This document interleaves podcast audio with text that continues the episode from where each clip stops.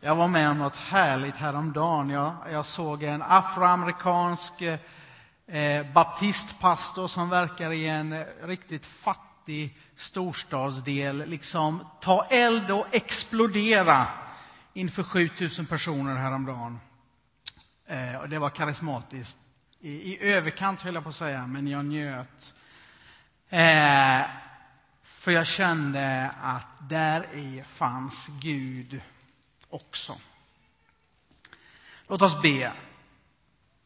Herre himmelske far, du som finns här närvarande. Jag ber att du ska tala till oss i hela den här gudstjänsten, men också genom det jag ska säga nu. Jag ber att du ska använda mina ord för att säga ditt till var och en av oss. Amen. Är det någon som har fått eh, födelsedagspresenter i år? Vi som har fyllt år hittills har fått. Är det någon som gillar att få presenter, gåvor? Ganska många. Är det någon som gillar att ge bort gåvor då? Minst lika många. Ni är så fromma. Eh, hörni, vi ska ta och eh, läsa om gåvor, om eh, Andens gåvor, Guds gåvor till människor genom den helige Ande. Och vi ska göra det i ett av de klassiska kapitlen som handlar om nådens gåvor eller Andens gåvor. Det är i Första Korinthierbrevet 12.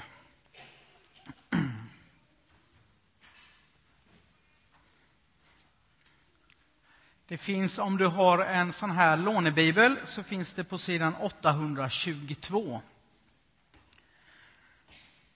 Långt ner på den sidan där. Och vi läser från vers 1 till vers 11.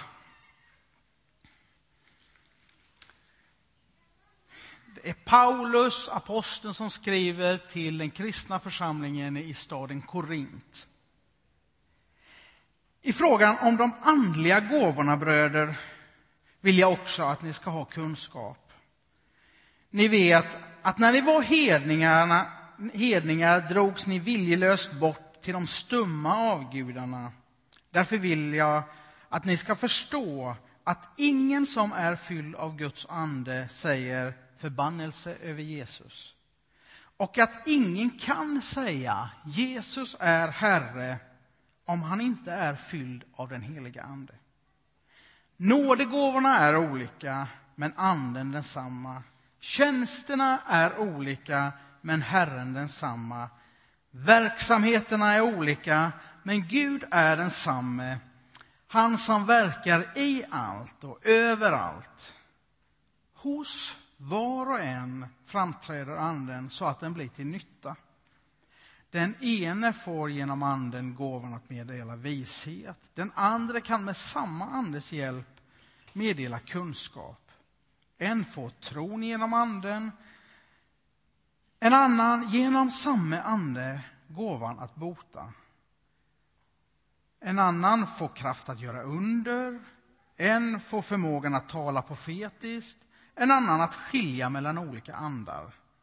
En kan tala olika slags tungotal, en annan kan tolka tungotal. Allt detta åstadkommer en och samma ande genom att fördela sina gåvor på var och en som den själv vill. Det första han säger, Paulus, här är att när det gäller det andliga livet det där ordet gåvor har vi fått peta in för att förstå det i vår översättning. Alltså när det gäller spiritualiteten i det kristna livet. Eh, när det gäller liksom hur Guds närvaro fungerar och gör skillnad i människors liv så behöver vi ha kunskap om detta. Gud finns närvarande i den kristna människans liv genom sin ande, den heliga anden, eller Kristi ande, eller Guds ande. Det finns olika ord för samma sak. Eh, och det gör skillnad i våra liv. Och Bibeln talar om andens gåvor och andens frukter. Vi ska, vi ska tala om gåvorna idag. Andens frukter som vi kan läsa om i Galaterbrevet bland annat handlar om hur den heliga Ande förvandlar vår karaktär och vår personlighet. Eh, Medan gåvorna handlar mer om eh, de förmågor och de funktioner vi har och får ifrån Gud för att eh, tjäna och betjäna vår församling och andra människor. Det finns kanske ingen knivskarp gräns här emellan. Det finns kanske ingen knivskarp gräns mellan vad en människa är och vad en människa gör. Och jag tror inte det är varken möjligt eller önskvärt att, att dra en sån gräns. Men det kan vara för enkelhetens skull eh, bara bra att, att reda ut de två olika perspektiven i alla fall. Eh, andens gåvor har liksom en tydlig adressat. Vi får dem för att ge bort dem. Vi får dem för att beröra andra människor. Eh, och I den här texten som vi just läste så, så hittar jag tre nyckelbegrepp eller uttryck. Och det är begreppet var och en. Det är begreppet olika och nytta. Jag ska ägna en liten stund åt att bara och, och, och tala om det. Och I vers 7 så, så, säger Paulus att hos var och en framträder Anden. Och innan dess har han sagt att, att det går inte att säga Jesus är Herre utan att vara fylld av den helige Ande. Det är lätt att missa det här, inte minst när man eh, liksom är skolad och uppväxt eller åtminstone har sin bakgrund i en karismatisk kristenhet där man nästan delar upp de kristna på de andliga och de icke-andliga kristna. Men Paulus är väldigt tydlig. Det går inte att vara kristen utan att vara fylld av den helige Ande. Den som är kristen är fylld av den helige Ande. Var och en som med sitt liv säger Jesus är Herre är bebodd av Guds närvaro, den helige Ande. Väldigt, väldigt tydligt. Och Anden har gåvor med sig. Han är liksom den där goda gästen som alltid har gåvor med sig. Jag har sällan gåvor med mig. Jag har till och med gjort ett statement av att när jag går på fest så tänker jag inte ha skorna på mig inomhus och jag tänker inte ha blommor och noblesask med mig. Men det är mest en rädsla för att känna mig medelålders, tror jag. Den heliga anden dock har alltid gåvor med sig när han kommer. Till alla kristna. Och vi behöver påminna oss själva och varandra om detta. För att det är lätt att få lite andligt dåligt självförtroende. Det är åtminstone min erfarenhet hos mig och hos eh, människor jag talar med. Att man missar det, eller man vill missa det, eller man vill förringa det hos sig själv. Inte minst när man läser om de här ganska mirakulösa gåvorna hur skulle jag kunna tala tungotal, ett änglars språk? Hur skulle jag kunna profetera eller göra under eller meddela gudomlig vishet etc. Ja, grejen är ju att det är inte jag som gör det. Först och främst. Det är ju Gud som gör det genom mig, genom mitt liv, när jag låter honom göra det. Någon sa i bönerummet så, så, så väldigt bra nyss att alla människor har sprickor i sina liv. Eh, och när vi låter den helige Ande fylla de sprickorna så kan han göra något med oss.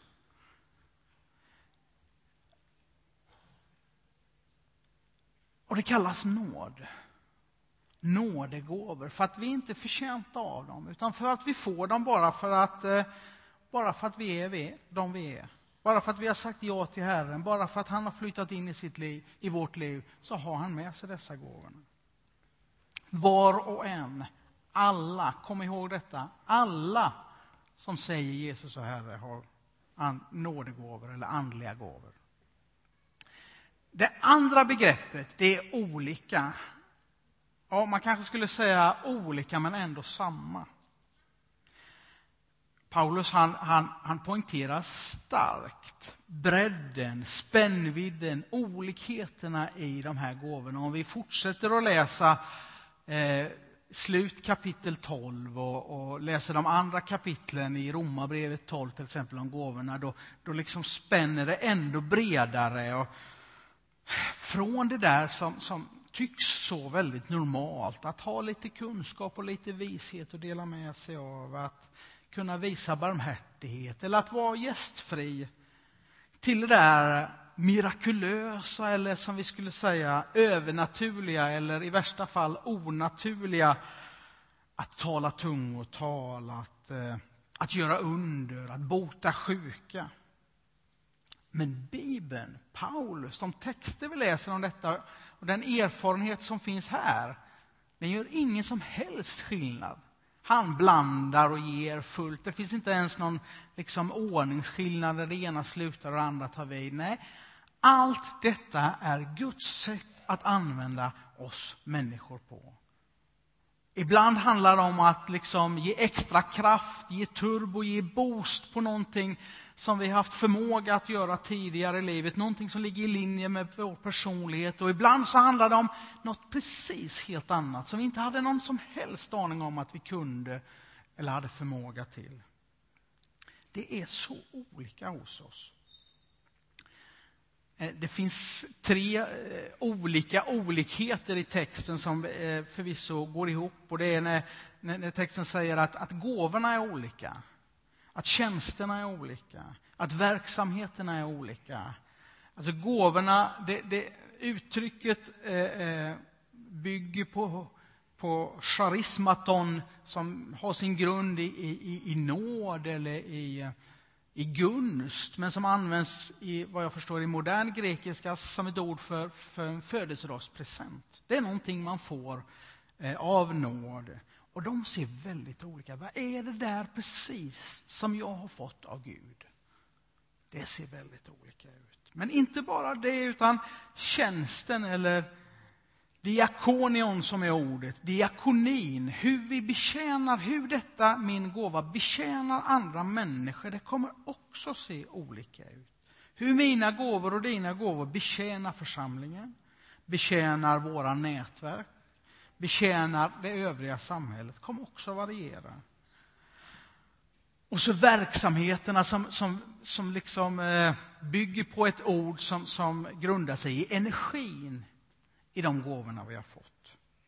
Också själva energin i den gåvan vi har fått, eller verkningen eller produkten av Guds verk genom våra liv kommer att variera och se olika ut. Och sammantaget blir det här en förfärlig olika bredd. En förfärlig bredd på, på olika sätt som, som Guds gåvor genom våra liv kommer beröra församlingen, våra vänner och nätverk och samhället runt omkring. Han säger att det är helt nödvändigt att det ser ut på det sättet. Men som människa så tenderar vi, åtminstone jag, ofta till att på något sätt lista, rangordna betydelsen av det här. Vem är störst? Vem är bäst? Vem är vackrast? Vem är snabbast? Vem är viktigast? Vem är mest värdefull? Och var kommer jag in i den här listan? Vad är liksom min plats i detta? Om man bygger upp en lista på alla sätt att beröra med Guds kraft. Men det verkar som att Gud han bygger på bredden, inte på höjden. Och bredden är det viktiga. Alla har en plats och allas plats är viktig. Och här kommer bilden av kroppen in, som, som inte minst Paulus gör väldigt mycket med eh, när han talar om allas plats. Kroppen såsom eh, Kristi kropp, det som gör Jesus synligt för världen kyrkan. Där kroppen faktiskt behöver alla kroppsdelarna.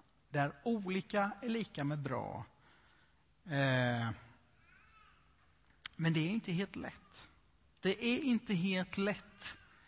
Mångfald, det är ett snyggt och väldigt modernt ord som vi gärna slänger oss med, som, som går hem överallt. Men, och mångfald är bra. Det är vad han är inne på här, Paulus. Men mångfald är bra mycket svårare än vad vi ibland föreställer oss. Mångfald tenderar till att hamna i missförstånd. När vi har olika utgångspunkter, när vi har olika förståelse och när vi har olika prioriteringar också inom församlingen och i det kristna livet. Är det viktigaste att tala om Jesus för de som aldrig hört honom eller är det viktigast att tala om Guds förlåtelse för den i församlingen som behöver uppleva den eller är det viktigast att tala om nådegåvorna för den som behöver komma i funktion? Är det viktigast med det eller är det viktigast med det? Ja, det beror precis på vad vi har för gåvor i livet. Och Det finns bara egentligen ett sätt att föra samman detta. Detta som eh, utifrån mitt perspektiv skapar en hel del av den friktionen som vi, som vi ser också i en församling när vi försöker leva tillsammans, när vi försöker eh, skapa en fungerande församling. Eh, så finns det bara ett sätt att ta hand om den friktionen som våra olikheter ger. Och Paulus han ägnar ett helt kapitel åt detta. Insprängt i sin förkunnelse om hur församlingen, hur Guds gåvor och våra olikheter verkligen bidrar till det som, som är Kristi kropp på jorden, så slänger han in första Korinthierbrevet kapitel 13. Som vi tenderar till att läsa när vi ska viga folk och på bröllop och andra eh, sammanhang som handlar om pargemenskap. Och visst passar det där, men det är inte skrivet i det sammanhanget. Kärlekens lov i kapitel 13 i första Korinthierbrevet handlar om hur vi ska kunna hantera alla dessa olikheter, hela den mångfald som Gud har skapat oss med och givit oss i Guds gåvor. Med ord som om jag delar ut allt jag äger och om jag låter bränna mig på bål men saknar kärlek har jag ingenting vunnet. Kärleken är tålmodig och god. Kärleken är inte stridslysten, inte skrytsam och inte uppblåst. Ja, jag tror ni kan det, eller så får vi gå hem och läsa det. Med de orden så bygger Paulus ihop alla våra olikheter med den enhet, den, den samma ursprung som vi har och han poängterar det hela tiden att det är samma Gud, det är samma ande, det är samma kraft, det är samma Kristus som ger alla dessa jätteolika uttryck. Och det är bara vår kärlek till varandra från Gud som klarar av att limma ihop detta. Alla olika, men ändå samma. Och så kommer jag till det tredje begreppet, nytta. Min far berättade för mig, jag vet inte riktigt när det här hände, det kan ha varit på 60-70-talet, men, men, men det jättestora amerikanska företaget General Electrics, de behövde förnya sig och skaka fram lite nya produkter eh, och eh, letade och hittade eh, någonstans den elektriska brödkniven. Någon hade hade liksom jobbat med den i företaget och man lanserade den elektriska brödkniven och den gjorde total succé.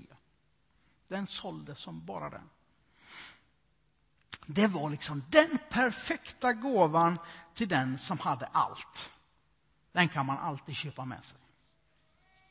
Och efter, efter ett tag så var det någon som konstaterade att i ett amerikanskt hem fanns det alltid en elektrisk brödkniv i kökslådan och ingen använde den. Ingen använde den. Varför? Ja, det var givetvis en totalt onödig produkt. Det är inte så svårt att skiva det där brödet själv och det finns till och med färdigskivat bröd. Alltså när jag köper gåvor till folk och ska ge bort något så är det lite för ofta så att inte jag vet vad jag ska ge bort. Lite för ofta så måste jag hitta på någonting själv.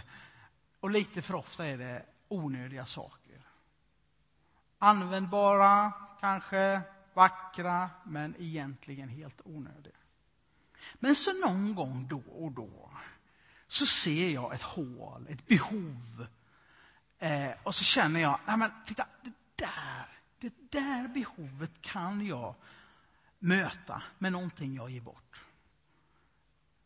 Jag eh, såg Markus Runby eh, stå här och spela och leda i lovsång och, och, jag, jag, känner mig så välsignad när jag får sjunga med. Och sen, så, sen får han sluta spela en takt för att han var tvungen att liksom flytta sitt kapodaster, det där man har för att kunna byta tonart på gitarren och ändå spela samma liksom, schyssta ackord.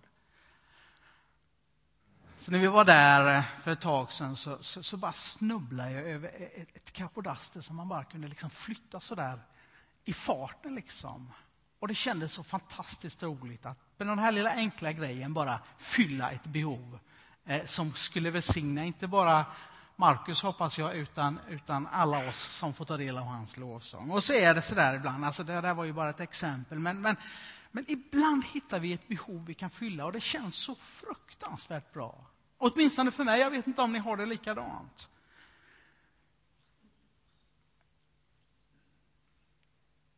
Paulus adresserar, som jag sa, församlingen. Talar om hur ska de kunna vara kyrka? Hur ska församlingen i Korint, eller vår församling idag, kunna vara Kristi kropp? Hur ska vi kunna göra Jesus synlig för vår omgivning? Hur ska vi kunna göra det Jesus gör i vår omgivning? Hur ska vi kunna beröra det Jesus vill beröra i vår omgivning? Och så säger han att förstås, här behövs alla. Vi behöver både lever och njurar i den här kroppen, tarmar och hjärtan, armar och ben. Alla har en funktion. Och nådens gåvor, Andens gåvor, ger oss den funktionaliteten. Och där finns ett riktigt behov. Så när vi lever ut de andliga gåvorna i vårt liv så kommer vi aldrig att ge bort de onödiga gåvorna. Utan Andens gåvor i våra liv så kan vi inte vara det vi är kallade att vara som kyrka. Vi kan inte göra det vi är kallade att göra som kyrka och vi kan inte ge bort det vi är kallade att ge bort.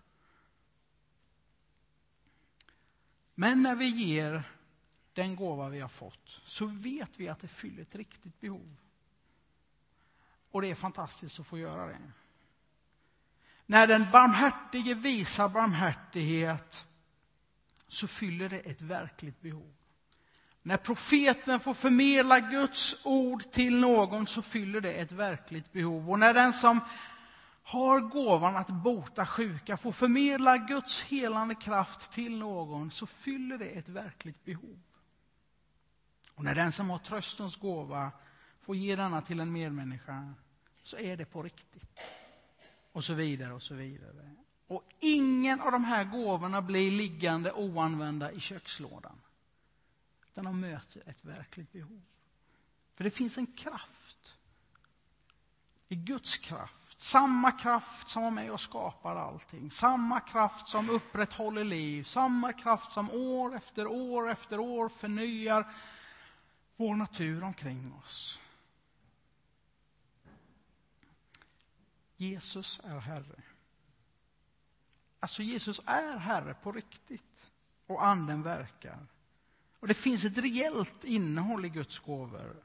Eller som, som Paulus säger i början av texten, det är ingen stum avgud vi vänder oss till. Det är en riktig, verklig, levande Gud med kraft. Det finns ju en massa avgudar. Församlingen Korint var ju jättevan vid att, att eh, leva ett andligt liv, att vända sig till olika slags avgudar. Och vi har väl en massa avgudar för att klara av livet idag också. Vi eh, använder oss av tekniker och mentala eh, snuttefiltar och vi kan använda oss av viljekraft och positivt tänkande och livsmanagement. Och, ja, men sånt här kan ju göra skillnad i livet och, och vara till en viss nytta. Men det tar bara vara på individens egna kraft och lämna liksom Gud utanför. Men vi förväntas tjäna Gud, inte med vår egen kraft, utan med Guds kraft. Så frågan är, var börjar vi? Var börjar jag i detta? För två veckor sedan predikade Lennart Törn. Jag var inte här, men jag lyssnade på det över, över internet, vilket jag tycker du ska göra om du inte gör det. Och och det han säger, det är välj Jesus. Välj Jesus. Och det är där det börjar, som Paulus säger. Säg Jesus och Herre med ditt liv. För någon så handlar det om att påminna sig om det. Ja, men jag har ju gjort Jesus till Herre. Så är det ju. Jag har ju bestämt mig för detta. För någon annan handlar det om att förtydliga när du känner dig osäker, kanske har varit på en, liksom en vandring och känt dig dragen och kanske är det dags att säga till dig själv, till andra, Jesus, han är Herre. Med förnuftet, med känslorna, med viljan så vill jag försöka säga Jesus är Herre i mitt liv. Och för någon kanske det är dags att börja fundera för första gången. Är det det jag vill? Att Jesus ska vara Herre i mitt liv? Också idag är ett tillfälle att säga det. För det andra, undersök. Vänd och vrid på det här. Läs texterna i Bibeln. Första Korinthierbrevet 12, Romarbrevet 12, Efesierbrevet 4. Eh, Andens gåvor är spridda mer över Bibeln, men, men, men där finns de liksom på något sätt samlade. Och, och be. Be om gåvorna. Be Gud visa dig vilka gåvor är dina gåvor.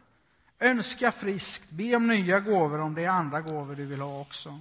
Och tala med dina vänner. Det är det som församlingen finns till för. Att spegla varandra, att uppmuntra varandra och säga jag ser den här gåvan i ditt liv. Jag ser den här gåvan i ditt liv. Att liksom förlösa kraften, eh, självförtroendet, att verkligen försöka.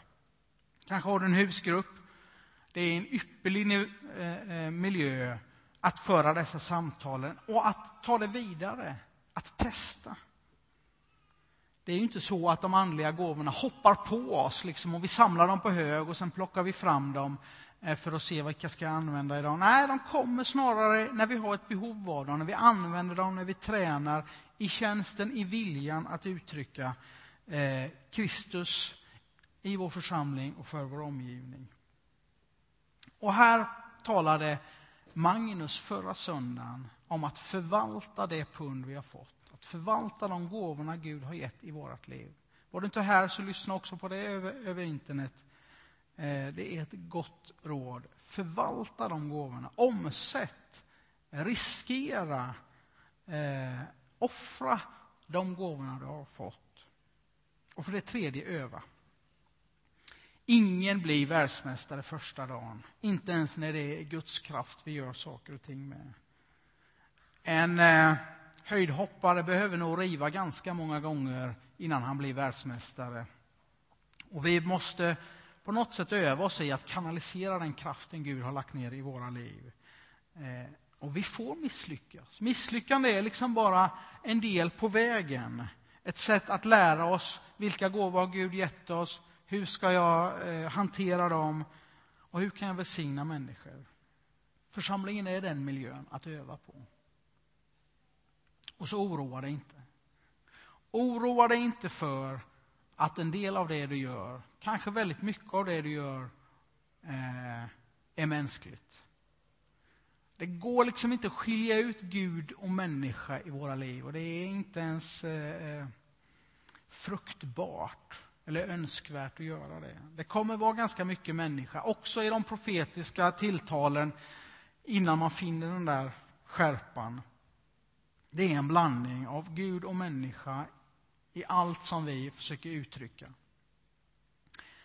Men också här kommer kärleken in som någon slags kvalitetssäkring, någon slags ISO 777 över det vi gör. Se till att det du gör, på det sättet du betjänar Gud och andra människor, har kärlekens stämpel, så går det inte fel. Och kan vi hjälpa till på något sätt, jag eller Joakim eller någon annan av pastorerna här, eller äldste eller eller husgruppscoacher, kan vi hjälpa dig på något sätt i din grupp och tala om det här eller i samtal, så kom till oss och tala med oss. Och ge dig utrymme för att hitta en plats att öva på. Kom till oss och tala med oss. Jag ska avsluta med att läsa två verser från första Petrus brev 4. Och det får bli eh, en uppmaning, en uppmuntran, men också vår bön idag. Tjäna varandra, var och en med den nådegåva han har fått, som goda förvaltare av Guds nåd i dess många former. Den som talar ska komma ihåg att han får sina ord ifrån Gud. Den som tjänar, att han tjänar med den styrka Gud ger. Låt Gud förhärligas i allt detta genom Jesus Kristus. Han är härligheten och makten i evigheters evighet. Amen.